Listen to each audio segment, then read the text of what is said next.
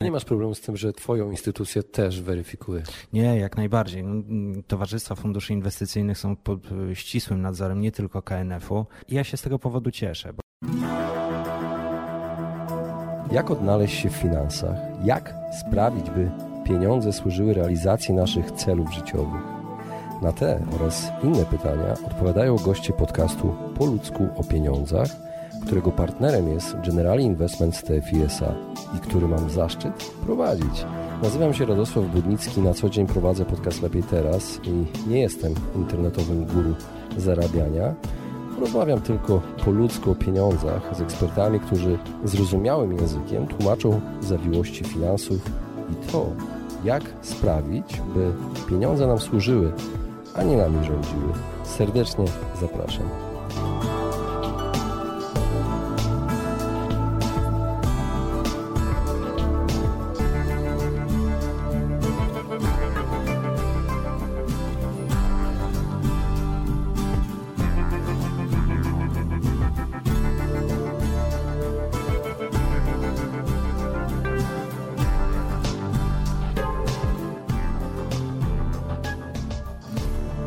Drodzy, witam Was serdecznie w kolejnym odcinku podcastu Po ludzku o pieniądzach. E, dzisiaj moim gościem jest Jakub Maciak z TFI. On jest ekspertem, nie pracuje bezpośrednio z klientami. Jest to osoba, która można powiedzieć, że pracuje za kulisami, tworzy fundusze. Jest ekspertem od funduszy i Porozmawiam z nim dzisiaj na temat bezpieczeństwa inwestowania. Jak wiadomo, wielu e, z nas słyszało na pewno o, o tym, o aferze e, KNF, o getbacku i o tym, co się działo w 2018 roku. I postanowiłem zaprosić Kubę, żeby przybliżył nam nieco kulisy bezpieczeństwa związanego z naszymi pieniędzmi, z pieniędzmi w banku i pieniędzmi powierzonymi właśnie funduszom. Także serdecznie Was zapraszam do wysłuchania tego odcinka. E, cześć Kuba. Cześć. Bardzo Ci dziękuję, że zgodziłeś się wystąpić w podcaście Po ludzku o pieniądzach. Może opowiedz pokrótce moim słuchaczom, kim jesteś, gdzie pracujesz, czym się zajmujesz na co dzień. E, to tak. Jestem menadżerem do spraw rozwoju nowych produktów mhm. w Towarzystwie Funduszy Inwestycyjnych. No i w takim telegraficznym skrócie zarządzam ofertą produktową. To znaczy tworzę nowe rozwiązania, nowe fundusze i programy oparte na tych funduszach i aktualizuję e, ofertę, którą mamy w szeroko dostępnym kanale dystrybucyjnym. A ty jesteś tą osobą, która spotyka się z klientami, czy jesteś tą osobą, która siedzi tam za kulisami, zajmuje się tym wszystkim? E, nie, zdecydowanie jestem osobą za kulisami. Za kulisami. Okay. Tak. Słuchaj, powiem ci o czym chciałem dzisiaj porozmawiać. Chciałem dzisiaj porozmawiać o bezpieczeństwie inwestowania w dzisiejszych czasach. E, dlaczego? Pierwsze pytanie. Jak będzie wyglądał rok 2019 po tym, co wydarzyło się w 2018? Ja może przypomnę, co wydarzyło się. Były afery KNF, tak w skrócie, będę mówił hasłowo, bo ludzie, ludzie słuchacze, ja, ja tak to też znam, z haseł takich afery KNF, Getback, y, taśmy Czarneckiego. Czy mógłbyś to tak jakby uporządkować? O co chodziło y, z tymi rzeczami, z tymi sytuacjami? No tak, e, miniony rok, ja to często określam takim określeniem, że był wyjątkowy pod tym względem. Może nie, niekoniecznie w takim e, pozy, pozytywnym e, charakterze tego słowa, no bo niestety no było kilka afer, e, począwszy od getbacku. Tutaj takie słowo wyjaśnienia. Getback, czyli e, spółka zajmująca się windykacją należności, spółka notowana. No i tutaj powstał pewien problem ze spłatą obligacji, która była po prostu wywołana tym, że tych obligacji, e, tego, to zadłużenie było za duże względem, względem bieżącej, e, bieżącej płynności spółki. No i powstały problemy natury czysto płynnościowej. A taśmy Czarneckiego E, taśmy Czarneckiego, no to to już e, afera e, tak medialnie nazywana aferą KNF, gdzie, gdzie przewodnik... To jest właśnie ta afera KNF-u, które, którą ja wymieniłem. To jest właśnie te taśmy czarneckie. Tak, tak, to jest ta afera KNF-u, chociaż w przypadku tej pierwszej e, afery, afery Getbacku, tak ją nazwijmy, e, też doszło do pewnego spadku zaufania w stosunku do KNF-u jako instytucji, która mm, zajmuje się nadzorem nad rynkiem finansowym. No właśnie, co znaczy skrót KNF? E, Komisja Nadzoru Finansowego i to jest instytucja, która sprawuje nadzór nad całym systemem finansowym, nad rynkiem bankowym, rynkiem emerytalnym, ubezpieczeniowym, nad towarzystwami funduszy inwestycyjnych, czyli taki scentralizowany nadzór nad instytucjami e, finansowymi w Polsce. Czyli pilnuje, żeby nie pojawiła się jakaś firma krzak, która będzie zbierała pieniądze i zrobi z tego piramidę na przykład, tak? No, zdecydowanie. To jest jedno, jedno z głównych działań, czyli zapobieganie takim sytuacjom, no i nadzór nad e, spółkami, które już są w systemie, czyli czy spełniają wszystkie wymogi, jeśli chodzi e, chociażby o, o płynność, bądź też rzetelność świadczonych usług taki całościowy nadzór, oprócz tego e, działalność e, edukacyjna, czyli też edukacja społeczeństwa w zakresie finansów, w zakresie spółek finansowych. No właśnie, bo ja, ja rok temu e, robiłem wywiad z, z, właściwie z kołem naukowym z GIECH-u na temat piramid finansowych i właśnie KNF tam był gościem na tym, oni chłopaki organizowali studenci konferencję na SGH-u na ten temat i właśnie KNF był między innymi gościem uczulał na, na różnego rodzaju łańcuszki, które w internecie pojawiały się, wpłać pieniądze, tam będziesz zarabiał i tak dalej, i tak dalej. Rozumiem, że takie rzeczy też łapie KNF, przy, można powiedzieć, pilnuje. E, to znaczy tak, tutaj mimo tego, że jestem e, uczestnikiem rynku finansowego po tej stronie właśnie instytucji finansowych, to nawet e, podejrzewam, że ja sobie nie zdaję sprawy, w jakich obszarach KNF jak dogłębnie weryfikuje wszystkie instytucje i z tego powodu ja się cieszę, że, że rynek... nie masz problemu z tym, że twoją instytucję też weryfikuje? Nie, jak najbardziej. No, towarzystwa funduszy inwestycyjnych są pod ścisłym nadzorem nie tylko KNF-u i ja się z tego powodu cieszę, bo Y, to, to pozwala, żeby rynek kapitałowy, rynek finansowy w Polsce rozwijał się, rozwijał się spójnie i żebyśmy w momencie doszli do takiego momentu, że stanowimy konkurencję dla zachodnich rynków, y, no, które nie oszukujmy się, y, są dużo bardziej rozwinięte pod tym względem z racji historii, że mają po prostu dłuższą historię. Kuba, no ale wróćmy do tego pytania. Jak będzie wyglądał ten 2019 rok według Ciebie? Czy mógłbyś się pobawić takiego prognostyka? Tak, prognostyka. Jeśli chodzi o, o rok 2019, to w mojej ocenie na pewno będą jakieś e, echa tego, co się działo w 2018 roku, czyli ten taki ogólny spadek zaufania do, do instytucji regulujących. Natomiast tutaj trzeba pamiętać o jednej rzeczy, że to, że jedna osoba, dwie osoby, kilka osób dopuściło się pewnych działań, nie znaczy, że instytucja źle funkcjonuje. I w mojej ocenie rynek finansowy w Polsce jest stabilny, jest bezpieczny, jest e, szereg instytucji finansowych, nie tylko te, które do tej pory wymieniliśmy, które e, z, mają za zadanie zapewnić to bezpieczeństwo. I w mojej ocenie rynek będzie się rozwijał, mimo, mimo wielu przy, e, powodów, które zaistniały w, w minionym roku. Do tego też też można e, dołączyć e, liczne regulacje, które, e, ja to tak określam, takie tsunami regulacyjne, które teraz mamy, które też prowadzi do, do dobrych rzeczy, czyli podniesienia ochrony klientów na rynku kapitałowym. No właśnie, podaj przykład takich regulacji, które są najbardziej takie spektakularne według Ciebie i nie istniały wcześniej, a warto było, żeby się pojawiły. Mamy jedną albo dwie. Mhm. To znaczy w zeszłym roku doszło do implementacji dyrektywy MIFID II, która ma za zadanie podnieść poziom ochrony uczestników na rynku kapitałowym. E, tutaj doszły dodatkowe wymogi, jeśli chodzi o zawieranie takich umów finansowych, e, czyli dodatkowe ankiety MIFIDowe, czyli w takim dużym skrócie taka ocena, że produkt jest naprawdę dopasowany do nas, czyli że kupujemy rozwiązanie finansowe, inwestujemy, oszczędzamy w coś, co rzeczywiście jest do nas dopasowane. Kuba, od roku robię podcasty po ludzko pieniądzach i powiem Ci szczerze, zadając pytania, uczę się razem z moimi słuchaczami.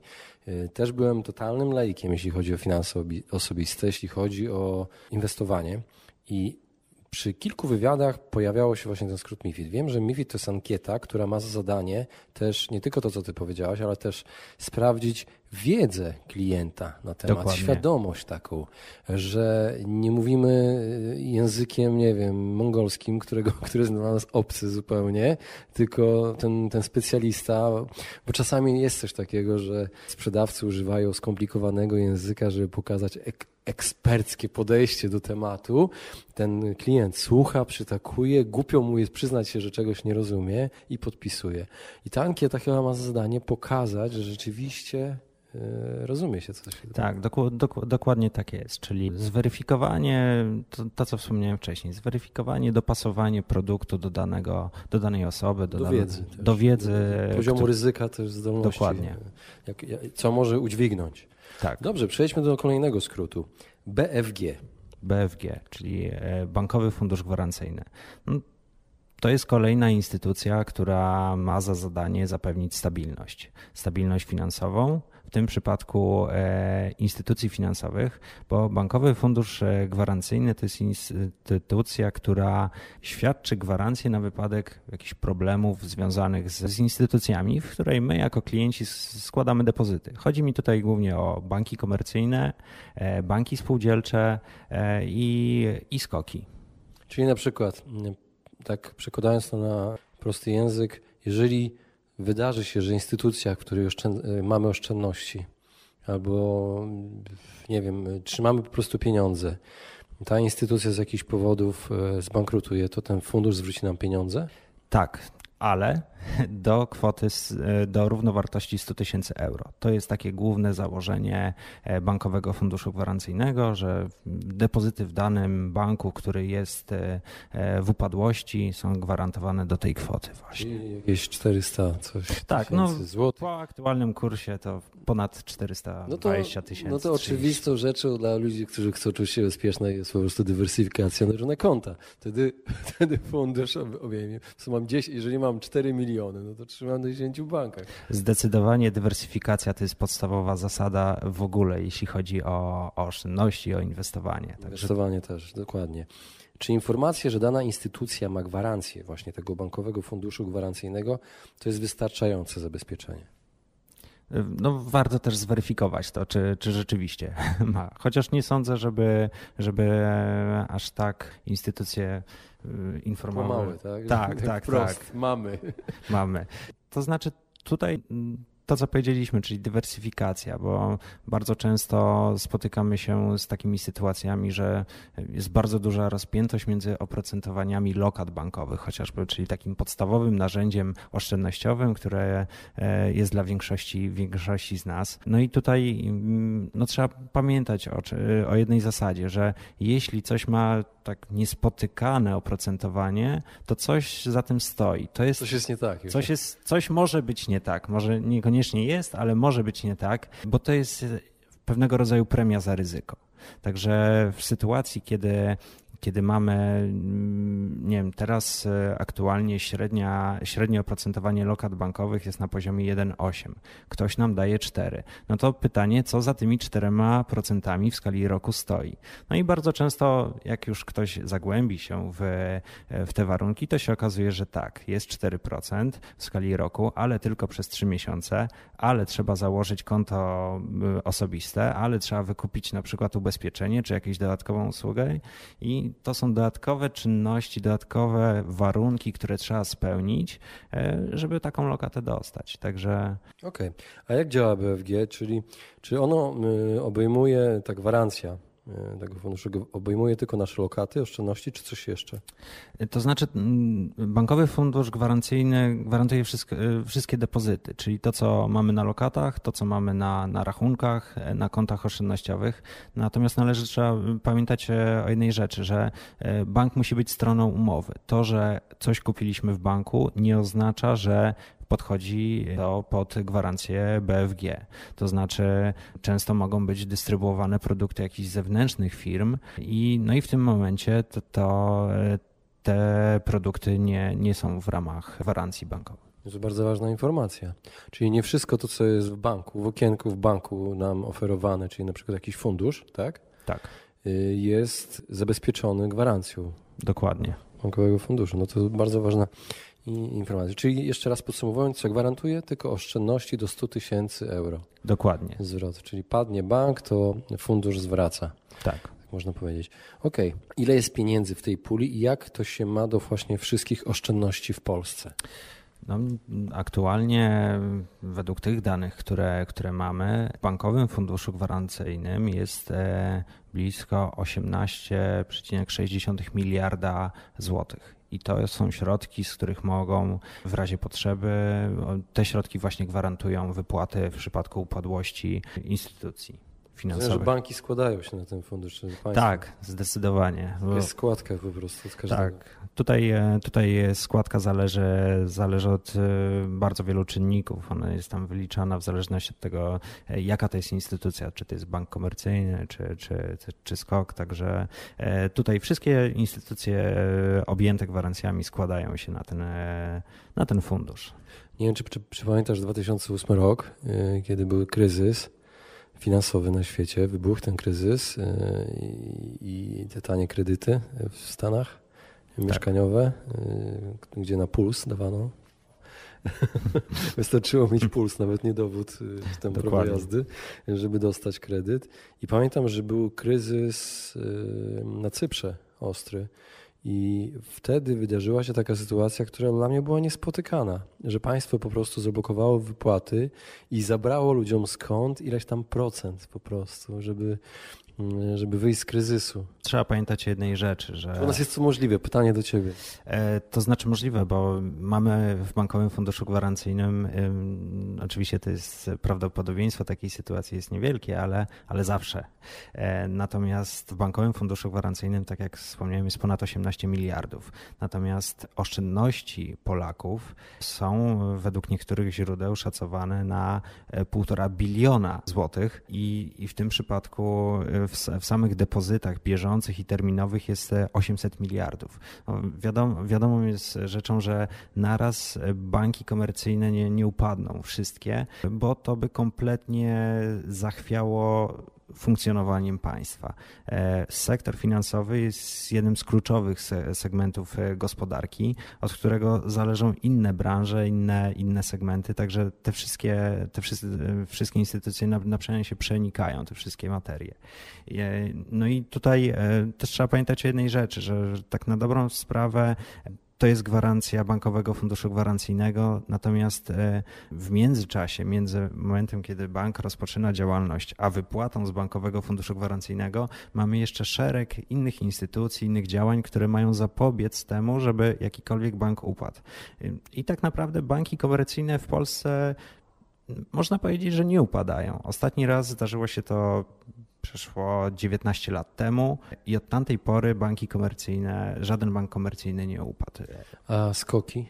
No skoki są w innej kategorii. E, skoki, skoki tak, upadały, ale to jest specyficzna grupa podmiotów, które też dopiero z czasem, tak patrząc na historię pol, polskiego rynku kapitałowego, dopiero z czasem zostały wdrożone, jeśli chodzi o, o nadzór e, Komisji Nadzoru Finansowego, potem z czasem zostały oskładkowane, jeśli chodzi o Bankowy Fundusz Gwarancyjny i wdrożone do tego systemu. Także to zupełnie inna historia. Kuba, co musiałoby się wydarzyć, żeby właśnie zabrakło tych pieniędzy w Bankowym Funduszu Gwarancyjnym? Tak naprawdę musiałby upaść jakiś duży bank komercyjny, albo musiałoby dojść do sytuacji, gdzie spadek zaufania byłby na tyle duży, że klienci masowo ruszyliby do banków, tak zwany run na kasę, E, I, I w tym momencie bank. tak nazywa ran na kasę? Tak, tak. To w krajach niektórych się dzieje, właśnie w Argentynie było, pamiętam, przy kryzysie i w Wenezueli było. Też. Tak, w Wenezueli. A tam już jest hiperinflacja, tam już w ogóle. No, to powyżej chyba dwóch milionów procent. Jak, jak, w,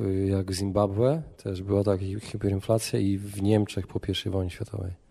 Tak, no w tym momencie no, instytucje finansowe no, straciły płynność i w tym momencie byłyby to bardzo duże problemy, no i mogłyby spowodować potencjalnie masowe ogłaszanie upadłości. Natomiast no, tutaj należy pamiętać, że to jest, tak jak wspomniałem, system finansowy w Polsce jest jednym z kluczowych elementów gospodarki i państwo nie dopuści do tego, żeby ten system się zawalił. Tak, nie, to zupełnie, zupełnie mówię tutaj o takich zupełnych y, hipotetycznych sytuacjach, bardzo katastroficznych, wiesz, jakby jakiś kryzys światowy, wiesz, cokolwiek. Ale muszę ci zadać pytanie, które teraz mi przyszło do głowy, bo jesteś ekspertem. Czy powiedzmy, że wydarza się jakiś kryzys porównywalny z 2008 albo gorszy. Czy osoby, które inwestują, nie trzymają pieniędzy w skarpecie, czy tam na koncie, czy na lokacie, czy osoby, które zainwestowały w jakieś produkty finansowe, które y, były ulokowane za granicą na przykład i ta koniunktura dotyczy zła tylko naszego kraju, ale nie dotyczy na przykład inwestowania w jakiś fundusz, który siedzi w kopalniach złota gdzieś tam, w Australii na przykład. Rozumiesz o co chodzi? Czy ten fundusz w takim razie byłby bezpieczny? E, no to wszystko zależy od Wiesz, tego. O co mi chodzi, że, że jeżeli lokujemy lub inwestujemy za pośrednictwem w inne fundusze, ale zagraniczne, czy te pieniądze wtedy są bezpieczne? Jeżeli i tylko w Polsce był, groziłby kryzys. Znaczy tak, i to wszystko zależy od tego właśnie, w co dany fundusz, e, w co dany instrument inwestuje, w jakim kraju, wtedy też podlega e, de facto pod e, sytuację w kraju, gdzie przeprowadzana jest ta, ta inwestycja. No i to trzeba też pamiętać jednej rzeczy. Jeśli jest kryzys na rynku przykładowo akcji, no to dlatego warto mieć zdywersyfikowany portfel, żeby inne E, inne elementy wchodzące w skład tego portfela, mm, tak kolokwialnie powiem, zasypywały te, e, te, te braki, które zostały wywołane spadkiem na przykład cen, cen akcji. I ta, ta sama zasada tyczy się dywersyfikacji nie tylko pod względem instrumentów finansowych jako przedmiotu lokat, tylko też jako dywersyfikacji geograficznej. Ale wiesz, Kuba, ja trochę tak naiwnie zadaję pytania, bo nie jestem ekspertem.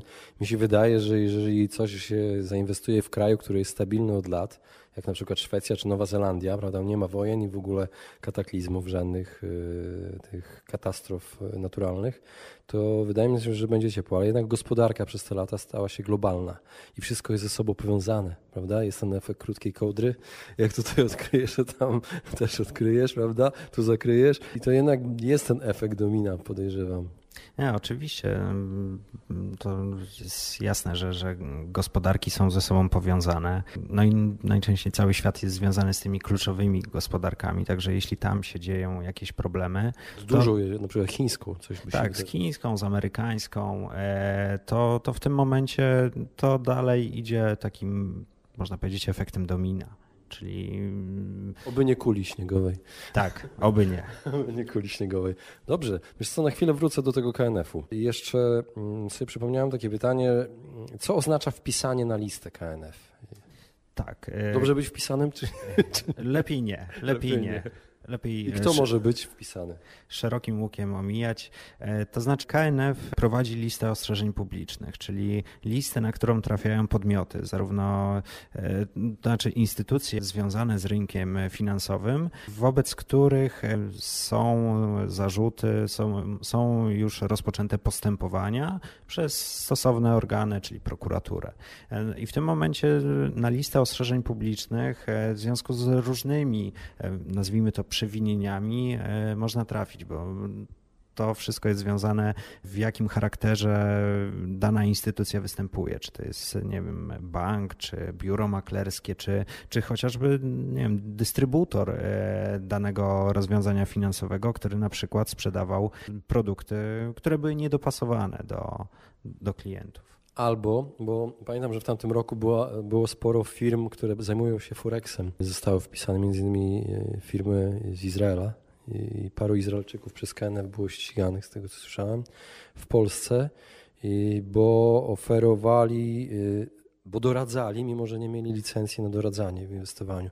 Oficjalnie mówili, że tylko pokazują produkty, a tak naprawdę namawiali klientów do zakupu różnego rodzaju e, kupowania transakcji na kurs, bo oni nie, nie, nie oferowali obrotu e, akcjami ani obligacjami, tylko e, można było stawiać na kurs obligacji lub akcji. Tak naprawdę każdy z nas mógłby taką firmę otworzyć, mając odpowiednie oprogramowanie, które po prostu ściąga dane z Bloomberga, prawda? Jest coś takiego. Tak, no zdecydowanie y, wiele podmiotów, które znajduje się na liście, liście ostrzeżeń publicznych, to są podmioty, które po prostu chciały w jakimś tam stopniu ominąć prawo, czyli e, wykonywać działalność, e, wykonywanie działalności bez odpowiednich zgód, bez odpowiednich licencji, tak jak wspomniałeś, e, kwestie związane z Forexem albo chociażby z doradztwem inwestycyjnym, świadczeniem usługi, która też wymaga zgody Komisji Nadzoru Finansowego, oczywiście po, po szeregu weryfikacji, czy dany podmiot ma odpowiednią wiedzę, odpowiednie kompetencje do doświadczenia takich usług. Jak to w rzeczywistości wygląda tak naprawdę? No miałem do Ciebie pytanie, co ostatnio zrobiono, by zwiększyć to bezpieczeństwo, ale już odpowiedziałeś na to pytanie w pierwszej części wywiadu. A, jeszcze mam pytanie, jak mają się do tego wszystkiego zmiany nazw i strategii wielu funduszy w grudniu? Tak. W zeszłym roku weszła w ży- weszło w życie rozporządzenie, e, które no, zostało przygotowane przez e, Unię Europejską, to znaczy przez regulatora z Unii Europejskiej, e, który wyodrębnił tak jakby rynek w ramach funduszy inwestycyjnych, fundusze rynku pieniężnego. I tak też nazywa się rozporządzenie, czyli rozporządzenie w sprawie funduszy rynku pieniężnego na czym, na czym to polega, jak to, jakie to ma odniesienie do polskich realiów.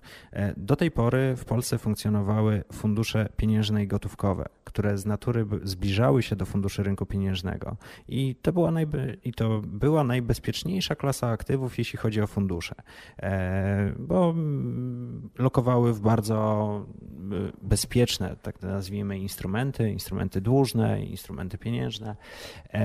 Natomiast od tego roku tak naprawdę e, rozporządzenie weszło w życie. Czas na dostosowanie dla obecnych funduszy był do 20 stycznia.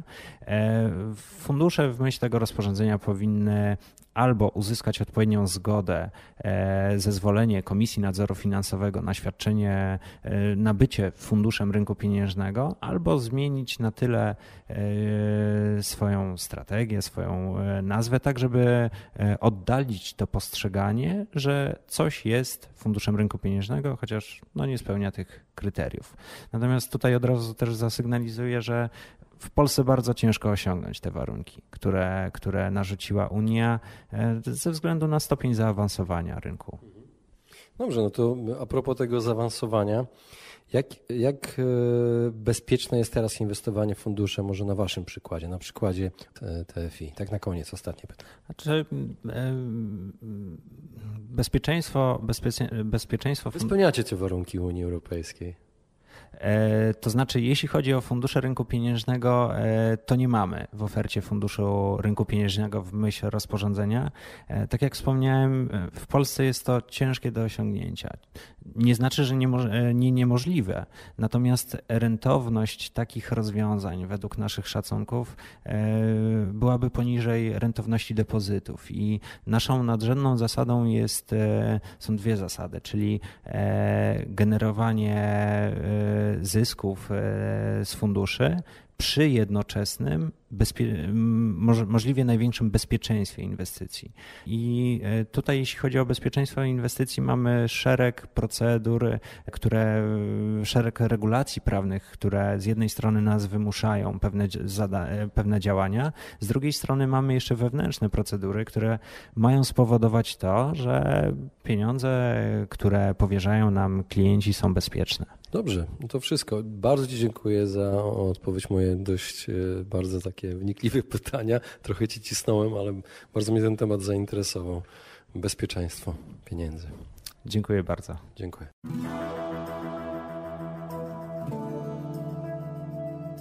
Właśnie wysłuchaliście podcastu Po ludzku o pieniądzach. Mam nadzieję, że Wam się podobała rozmowa. Jeżeli Wam się podobała, poświęćcie swój czas, proszę, by pozostawić swoją recenzję na iTunes. Jeżeli macie pytania lub e, propozycje dotyczące kolejnych audycji, piszcie do mnie na fanpage'u Po ludzku o pieniądzach i do usłyszenia następnym razem.